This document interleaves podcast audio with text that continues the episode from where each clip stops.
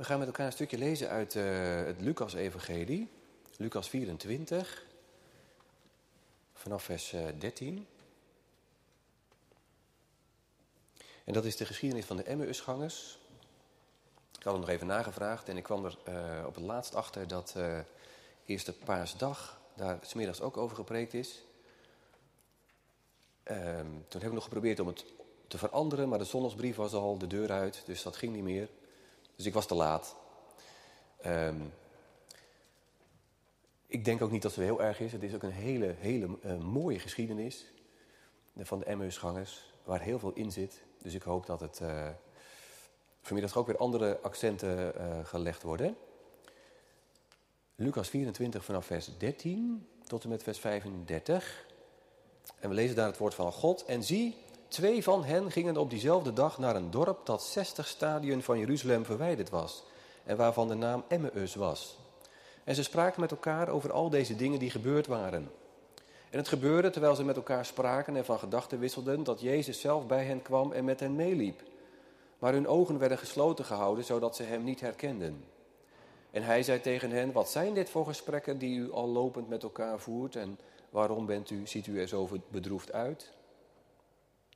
En de een van wie de naam Cleopas was, antwoordde en zei tegen hem, bent u als enige een vreemdeling in Jeruzalem dat u niet weet welke dingen daar in deze dagen gebeurd zijn? En Jezus zei tegen hen, welke dan? En ze zeiden tegen hem, de dingen met betrekking tot Jezus, de Nazarener, die een profeet was, machtig in werken en woorden voor God en heel het volk. En hoe onze overpriesters en leiders hem overgeleverd hebben om, om hem ter dood te veroordelen en hem gekruisigd hebben. En wij hoopten dat hij het was, die Israël zou verlossen. Maar al met al is het vandaag de derde dag sinds deze dingen gebeurd zijn. En ook hebben sommige vrouwen uit ons midden, die vroeg in de morgen bij het graf geweest zijn, ons versteld doen staan. En toen zij zijn lichaam niet vonden, kwamen ze zeggen dat ze zelfs een verschijning van engelen gezien hadden, die zeiden dat hij leeft. En sommige van hen die bij ons waren, gingen naar het graf en troffen het ook zo aan als de vrouwen gezegd hadden. Maar hem zagen ze niet. En Jezus zei tegen hen, o onverstandigen en tragen van hart, dat u niet gelooft al wat de profeten gesproken hebben. Moest de Christus dit niet lijden en zo in zijn heerlijkheid ingaan? En hij begon bij Mozes en al de profeten en legde hen uit wat in al de schriften over hem geschreven was.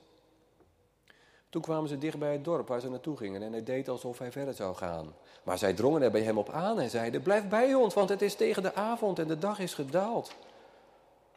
En toen ging hij naar binnen om bij hen te blijven. En het gebeurde toen hij met hen aan tafel aanlag, dat hij het brood nam en het zegende. En toen hij het gebroken had, gaf hij het aan hen. En hun ogen werden geopend en zij herkenden hem, maar hij verdween uit hun gezicht. En ze zeiden tegen elkaar, was ons hart niet brandend in ons toen hij onderweg tot ons sprak en voor ons de schriften opende? En op datzelfde moment stonden zij op en keerden terug naar Jeruzalem en vonden de elf discipelen en hen die bij hen waren bijeen. En die zeiden, de Heer is werkelijk opgewekt en is aan Simon verschenen. En zij vertelden wat er onderweg gebeurd was en hoe hij door hen herkend was bij het breken van het brood. Tot zover de schriftlezing. Gemeente, hebt u of jij een paar weken geleden nog naar de Passion gekeken? Op Witte Donderdag. Het was dit jaar een beetje een andere uitvoering dan de afgelopen jaren. Want het kon natuurlijk niet echt uitgevoerd worden was dit jaar een digitale versie. Maar uh, had u er nog naar gekeken?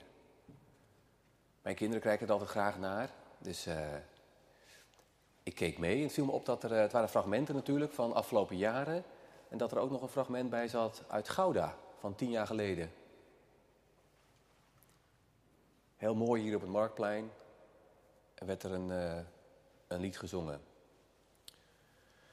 Wat ik zo bijzonder vind aan die, die passion, je kunt er natuurlijk allerlei kritische vragen bij stellen, maar dat ga ik nou niet doen. Uh, wat ik zo bijzonder vind is dat, dat er wel 3 miljoen mensen naar kijken elk jaar. Dat is toch bijzonder? 3 miljoen mensen. En het heeft natuurlijk met de muziek te maken. Het is, het is, het is, het is bekende muziek, aansprekende muziek. Bekende zangers die eraan meedoen. Dat spreekt aan. Maar het is meer. Het is ook het, het lijdensverhaal wat aanspreekt. Het gaat wel ergens over. Ik denk dat veel mensen die naar de Passion kijken niet, zichzelf niet als gelovig zouden bestempelen. Maar ze vinden het toch mooi om dit te kijken op Witte Donderdag. Als je nou zou vragen van, geloof je nou dat Jezus is opgestaan? Dan zeggen er misschien heel veel van die kijkers zeggen dan misschien, nee, nee, dat geloof ik niet. Nee, nee, mensen staan niet op, dode mensen, die staan nooit op. Natuurlijk is Jezus niet opgestaan. Maar toch, die geschiedenis van Jezus die zichzelf overgeeft, die onschuldig is, die door verraad dan uiteindelijk ook voor, voor, voor, voor, Pilatus komt te staan en dan ter dood wordt veroordeeld. Het, het, het raakt wat in mensen. Ik denk dat veel mensen het wel zouden willen geloven, maar het niet kunnen geloven. Want als het waar is, is het natuurlijk fantastisch. Als Jezus echt is opgestaan en daarmee heeft bewezen dat de dood is overwonnen door hem, ja, dat zou natuurlijk fantastisch zijn. Als het echt waar is. Is dat de meest geweldige boodschap die er is, toch? Maar is het waar? Leeft hij nu nog? Nogmaals, ik denk dat er heel wat mensen zijn in Nederland die dat wel willen geloven, maar het gewoon niet kunnen geloven. Het is te vreemd, het is te raar, het is te, te onwerkelijk. En, en nou denk ik dat die twee mensen die onderweg waren naar Emmaus, waar we net van hebben gelezen, dat die hier ook last van hadden. Ze, wil, ze wilden het wel geloven, maar dat, het ging er gewoon niet in bij hen. Ze hoorden bij die groep van 70 leerlingen die altijd een beetje rondom Jezus heen hadden gelopen. Ze waren met Jezus opgetrokken. En ze waren zo blij met hem. Ze geloofden en ze hoopten, ze waren er vast van overtuigd dat hij de lang verwachte Messias was. Natuurlijk, hij deed wonderen, hij deed alleen maar goed. Hij wekte zelfs doden op. Maar ja, hij was gekruisigd. En, en zijn wonderlijke krachten, die leken er opeens niet meer te zijn. En dan hadden die vrouwen met overslaande stemmen tegen hen gezegd, tegen die groep van 70, het graf is leeg en we hebben een engel gezien en die zei dat hij was opgestaan. En sommige van die 70, die hadden elkaar hoopvol aangekeken. Zou het waar zijn? Dat zou mooi zijn. Maar Cleopas en zijn uh, medewandelaar, sommige uitleggers denken overigens dat het zijn vrouw was, zou best kunnen natuurlijk. Ze hadden samen ook een huis in Emmaus. Laten we daar maar even van uitgaan vanmiddag, dat het zijn vrouw was. En, en, Cleopas, die, die keek zijn vrouw aan. En hij schudde zachtjes zijn hoofd. En zijn vrouw, die kende hem lang genoeg om te weten wat Cleopas bedoelde. Dit, dit, hier hebben wij geen zin in, bedoelde Cleopas. Ze hadden echt geen zin om zich, dood te om zich blij te laten maken met een dode mus. Ze hadden geen zin om hier met allemaal mensen samen te zijn die allemaal heel blij en enthousiast zaten te roepen dat het graf leeg was. Maar Jezus hadden ze niet gezien. Nee. En Cleopas had zijn vrouw aan haar arm getrokken en ze waren stilletjes weggelopen. En ze lopen van Jeruzalem weg naar Emmaus. En daar wordt het donker, lezen we een stukje verderop. En daar zit natuurlijk ook een dubbele betekenis in. Hè? Er zit zoiets in van, van ja, daar, daar moet je eigenlijk niet zijn. Ze lopen het donker tegemoet. Maar dat doen ze toch. Ze lopen naar Emmaus. Bij Jeruzalem vandaan. Ze trekken het gewoon niet meer. Ze kunnen het niet geloven. Ze willen het misschien wel geloven, maar ze kunnen het niet. En ze hebben geen zin meer om, om, om bij die bij die groep mensen te zijn die, die allemaal aan het speculeren zijn en, en, en, en allemaal wat roepen en, en, en zichzelf misschien ook wel van alles wijs maken. Nou, zo zijn er in Gouda misschien in de loop van de tijd ook wel heel wat mensen geweest. Je hebt het er misschien wel eens over thuis. Dan zeg je, hey, zie jij, zie jij Kees en Ria nog wel eens, weet je wel, die altijd drie banken achter ons zaten. Verhip, ja, Kees en Ria. Nou, al een jaar niet gezien. Ja, een enkele keer waren het er nog wel eens, maar Nee. Ja, de ouderling is nog wel eens langs geweest en de dominee is nog wel eens langs geweest, maar dat, hielp allemaal niet. En Kees en Ria, die, die, ja, die, die trokken het ook niet meer. Elke keer maar samenkomen met, met, met de gemeente en dan allemaal zingen over dingen die je niet goed begrijpt en, en, en bidden voor dingen die dan ook weer niet, niet verhoord worden. En, en, en, en wachten op Jezus die terug zou komen, maar Jezus komt niet terug. En Kees en Ria die dachten een keer bij zichzelf, hier horen wij niet meer. En ze waren naar huis gelopen en ze kwamen nooit meer terug. Nou, zo was het met Cleopas en zijn vrouw. Stilletjes waren ze naar huis gelopen. En dan denk je bij jezelf, komt er nou nog iemand hen achterna lopen? Ze hebben toch jaren met elkaar opgetrokken? Dat zou mooi zijn, dat, dat iemand de deur uitrent en zegt... Hé, hey, meneer Cleopas, jullie horen toch bij ons? Waar ga je naartoe? We horen toch bij Jezus? Nou, niet. Niemand komt zo achterna. Lezen we niets over. Die mensen in Jeruzalem hadden blijkbaar genoeg aan zichzelf. Of misschien waren ze ook wel zo onzeker dat ze dachten, we zullen ze ook maar niet lastigvallen. Misschien, misschien moeten wij ook maar naar huis gaan. We lezen van Petrus, die op een gegeven moment ook zegt, ik ga maar weer vissen. Ik ga mijn oude leven maar weer oppakken. Dus niemand gaat ze achterna. Alhoewel, er gebeurt iets heel verrassend. Cleopas en zijn vrouw lopen naar huis. Ze hebben het over de dingen die ze hebben meegemaakt. Je merkt, ze zijn er niet los van. Ze zijn er helemaal niet los van.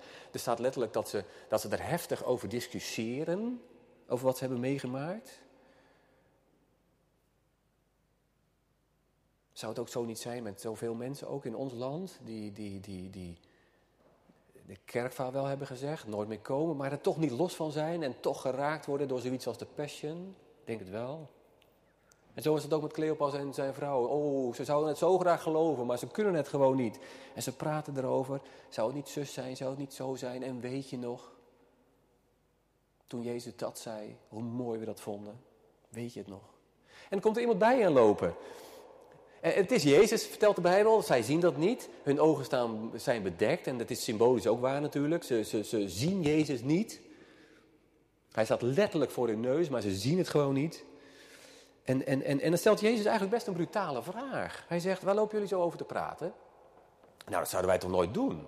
Als, als je bij de bushalte staat en, en er staan mensen met elkaar heftig te, te, praten ergens over. En, en, dat je dan zomaar zegt van, hé, hey, hey, waar hebben jullie het over?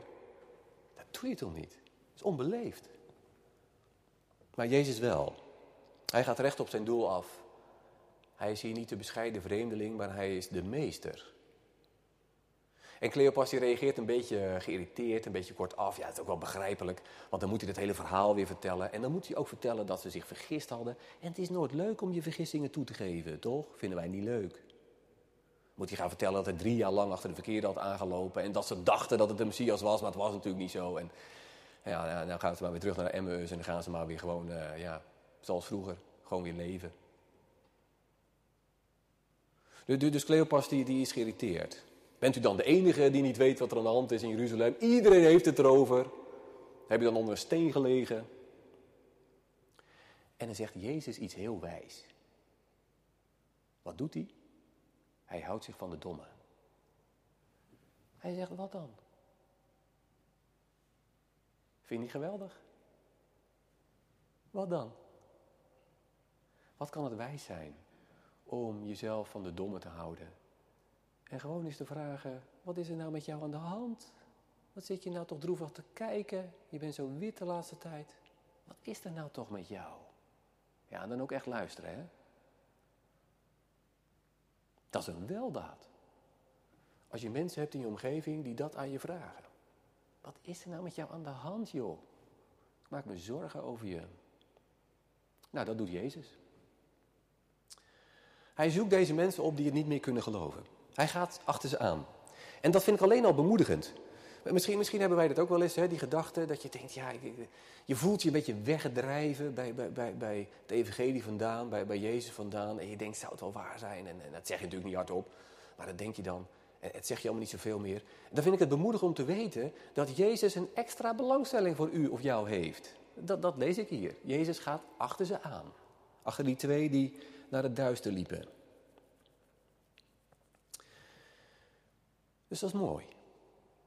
Niemand komt ze achterna, maar Jezus wel. Was het niet efficiënter geweest om eerst naar die 70 te gaan voor Jezus? Dat hij eerst naar die grote groep in Jeruzalem was gegaan? Ja, zo denken wij. Maar Jezus denkt, hé, hey, die twee die, die, die, die, die lopen weg. Als eerste gaat Jezus daar naartoe. Niemand dacht aan ze, Jezus wel. Hij wil ze niet kwijt. En dan laat hij ze eerst hun hart uitstorten. Wat is er nou toch aan de hand? Wat is er gebeurd? Nou, vind je dat nou niet nederig van de Heer Jezus? Hij daalt helemaal af naar hun onbegrip. Hij houdt zich van de domme om zo hun hart open te maken. En dan vind ik het gewoon ontroerend wat er dan staat. Cleopas en zijn vrouw, ze struikelen over hun woorden. Ze gooien alles eruit.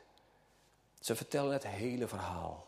Het is een verhaal vol emoties. Ze hadden zo gehoopt en ze wisten het zeker dat dit de Messias was. En oh, meneer, je moest eens weten, hij is zo bijzonder, Jezus. Hij was zo goed en hij heeft zulke bijzondere dingen gedaan. Ja, we hebben het gezien. Hij maakte mensen beter en, en, en, en, hij gaf brood aan mensen. En, en, en hij had van die wijze, wijze uitspraken. En hij was, we hebben nog nooit zo iemand meegemaakt. En nu hebben onze leiders, hoor je de pijn? Onze leiders hebben hem gekruisigd. Die goede Jezus. En nou is hij er niet meer. En, en hij ligt al drie dagen in het graf. Met andere woorden, er is echt geen hoop meer. En nou, nou, moeten wij zonder die goede Jezus verder. We weten niet hoe het moet, maar ja, we konden ook niet in Jeruzalem blijven. En daarom gaan we naar, naar ons huisje in Emmaus. En ze spreken over Jezus de Nazarener, een beetje afstandelijke term. Je hoort in het verhaal aan de ene kant hun, hun, hun warme liefde voor de Heer Jezus. Maar aan de andere kant, bij Jezus de Nazarener, daar klinkt ook iets in door van, van ze hebben al een beetje afscheid van hem genomen. Ze hebben zich er al een beetje bij neergelegd dat Jezus nu echt weg is. Jezus de Nazarener. Dat hoor je mensen in onze tijd ook wel eens doen, hè? dat ze hele afstandelijke termen gebruiken voor God. Soms zelfs spottende termen. Hè? Dan, dan, dan, zeggen mensen soms van, ja, ja, oh ja, dus jij gelooft dat, dat, dat die man met die witte baard op de wolk, dat die het coronavirus heeft gestuurd. Dat, dat lijkt dan spotten, maar ik, ik denk dat daar een, een stil verdriet achter zit. Denkt u ook niet? Een verlangen om iets van God te zien, om, om iets van Hem te begrijpen. Een verlangen om Hem, om iets van Hem te merken. Nou, zo is het bij Cleopas en zijn vrouw. Ze gebruiken een afstandelijke term voor Jezus, maar hun hart is vol verlangen naar Hem. Maar ze zien het niet en ze weten het gewoon niet en ze kunnen het gewoon niet geloven. En, en dan daarna, wat ze daarna zeggen is helemaal bizar eigenlijk. Hè? Dan, dan vertellen ze dat de vrouwen hebben het lege graf gezien. En, en, een engel hebben ze gezien, die zei dat Jezus is opgestaan. En de discipelen hebben het nog even gecontroleerd. En die hebben ook, dat klopte wat die vrouwen zeiden, dus die hebben ook een leeg graf gezien. En dan zou je zeggen, ja, ze zijn er bijna. Ze zijn er bijna. Maar ze zeggen het met een toon alsof, ja, maar natuurlijk is Jezus, die is niet opgestaan. Ze, ze beleiden hier hun ongeloof. Hè? Ze beleiden hier, ze, hebben zoveel gehoord en zoveel gezien en toch beleiden ze dat Jezus niet is opgestaan. En dan, dan, dan kan de Heer Jezus zich echt niet langer inhouden. Tragen van hart, zegt hij. Weet jullie dan niet dat de Messias moest lijden voordat hij zou opstaan? Ja, dan is die vreemdeling opeens wel streng. Het is een terechtwijzing. Je hoort er ook ongeduld in bij Jezus. En, en het is wel een punt voor ons allemaal om over na te denken. Als we altijd maar op een afstandje blijven staan en altijd alleen maar discussiëren over het evangelie, maar ondertussen niet, niet, niet persoonlijk verbonden zijn aan Jezus, dan, dan mogen we weten dat Jezus geduld met ons heeft, zeker. Jezus is heel geduldig. Hij komt ons achterna, zeker. Elke keer krijg je weer een nieuwe kans om je hart aan Hem te geven. Maar op een keer moet het ook wel een keer duidelijk worden. Op een keer wil Jezus wel dat wij kleur bekennen. Tragen van hart, zegt hij.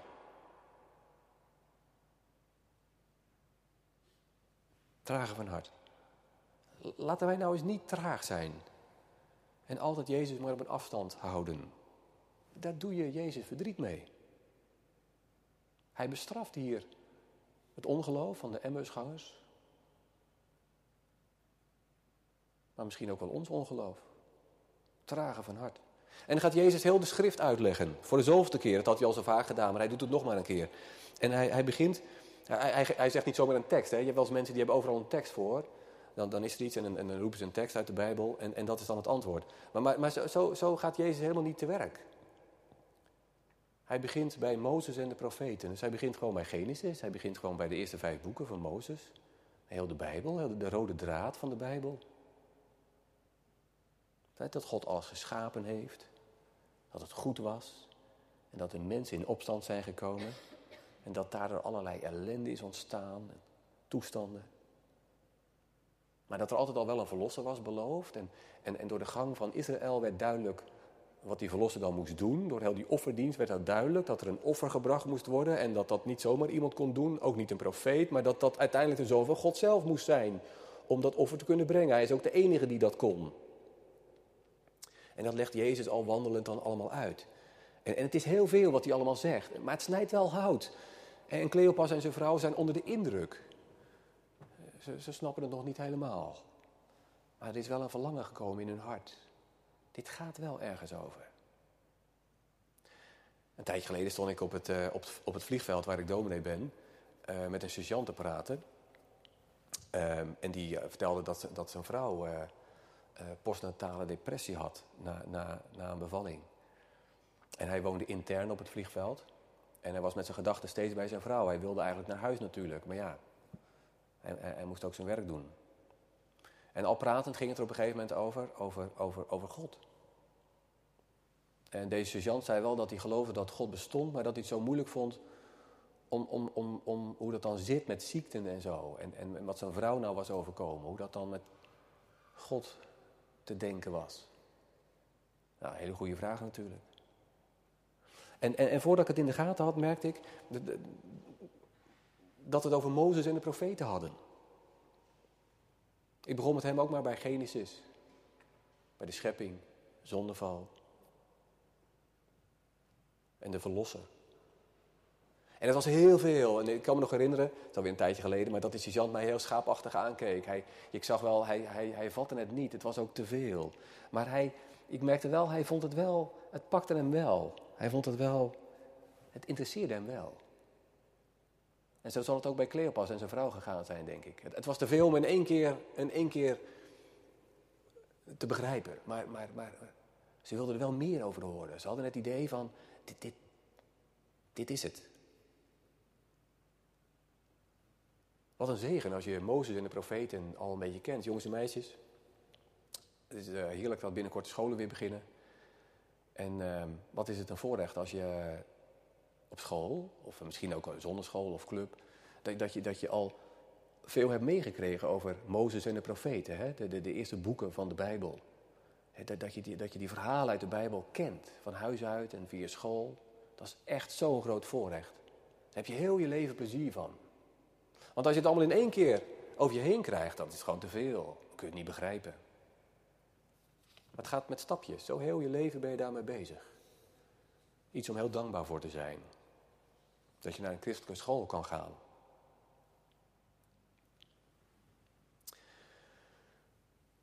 En als ze zo met elkaar spreken, Jezus en de Emmausgangers, dan houdt Jezus op een gegeven moment, zijn ze aangekomen in het dorpje Emmaus, en dan doet Jezus net alsof hij door wil lopen. En dat is een heel belangrijk moment. De Heer Jezus dringt zichzelf niet op. Hij geeft ze de mogelijkheid om hun liefde te tonen. Hij legt de bal bij hen, zeg maar. Hij wil graag dat ze aangeven dat, dat zij zeggen, dat zij vragen of hij bij hen blijft. Daar, is Jezus op uit. Hij deed alsof hij verder wilde gaan. Nou, dat is nou typisch Jezus.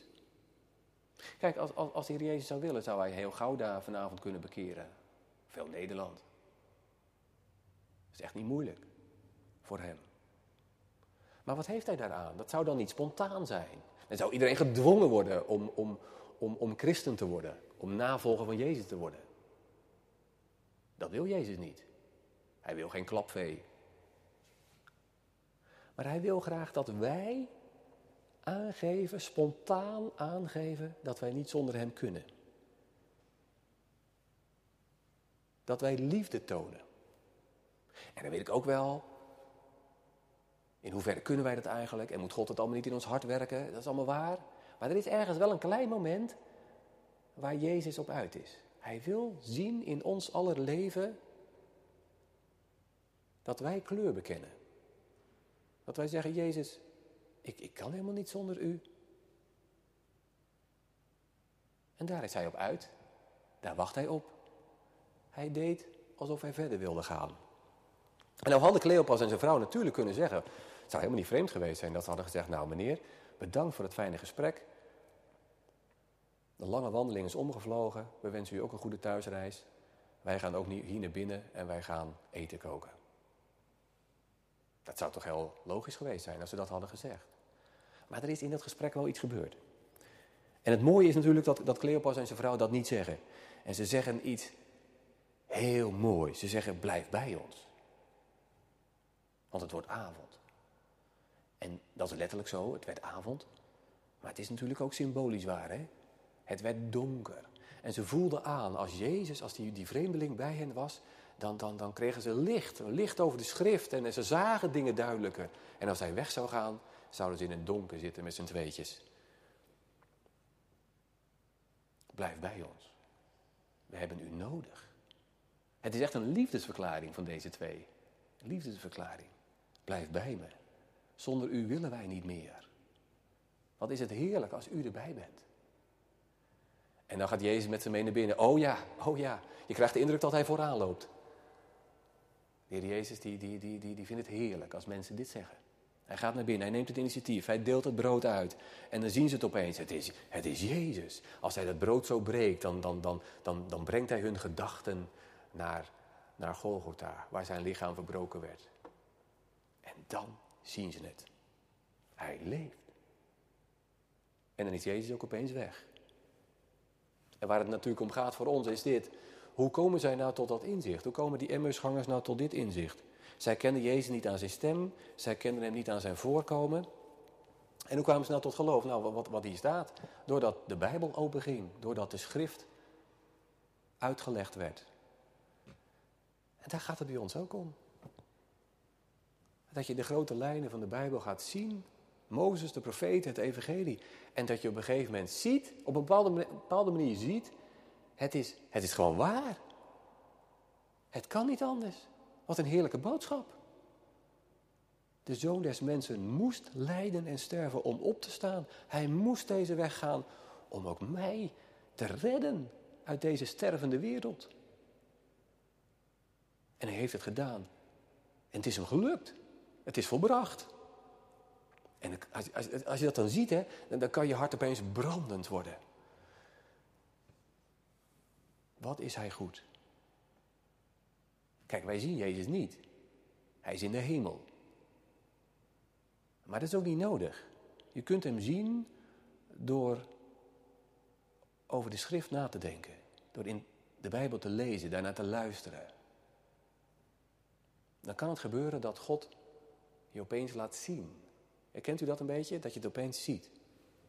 Ik las een tijdje geleden is een verhaal van, van een mevrouw die had borstkanker. En na vele behandelingen had de dokter gezegd dat hij helaas niets meer voor haar kon doen. En dat drong niet tot haar door, toen die dokter dat zo zei. Ze, ze ging naar huis en ze, ze, pakte gewoon weer de draad van haar leven op. En uh, het was niet tot haar doorgedrongen. En toen, een paar weken later, toen was ze met een vriendin aan het wandelen. En toen liepen ze ergens uh, langs een kapelletje. En de deur stond open en ze dachten, weet je wat, we gaan even naar binnen, even uitrusten. En toen zaten ze in zo'n kapelletje op, op, op, een bank. En in het kapelletje was een glas met loodraam. En daar zaten ze zo eens naar te kijken. Het was een icoon met Jezus. En eronder stond, wie mij vindt, vindt het leven. En die vrouw begon opeens te huilen. Opeens gingen haar ogen open. Opeens zag ze wat er met haar aan de hand was. Opeens zag ze dat ze zou moeten gaan sterven. Opeens zag ze dat ze alleen nog maar bij Jezus terecht kon. Nou, misschien dat u of jij het wel herkent, dat je deze dingen opeens ziet. Opeens zie je Jezus, hoe, hoe wezenlijk Hij is voor je leven. Zonder dat je Hem lichamelijk ziet, dat niet, maar je ziet Hem ja, in het geloof. Hij is het die je ogen opent. Maar Hij wil wel graag dat jij aangeeft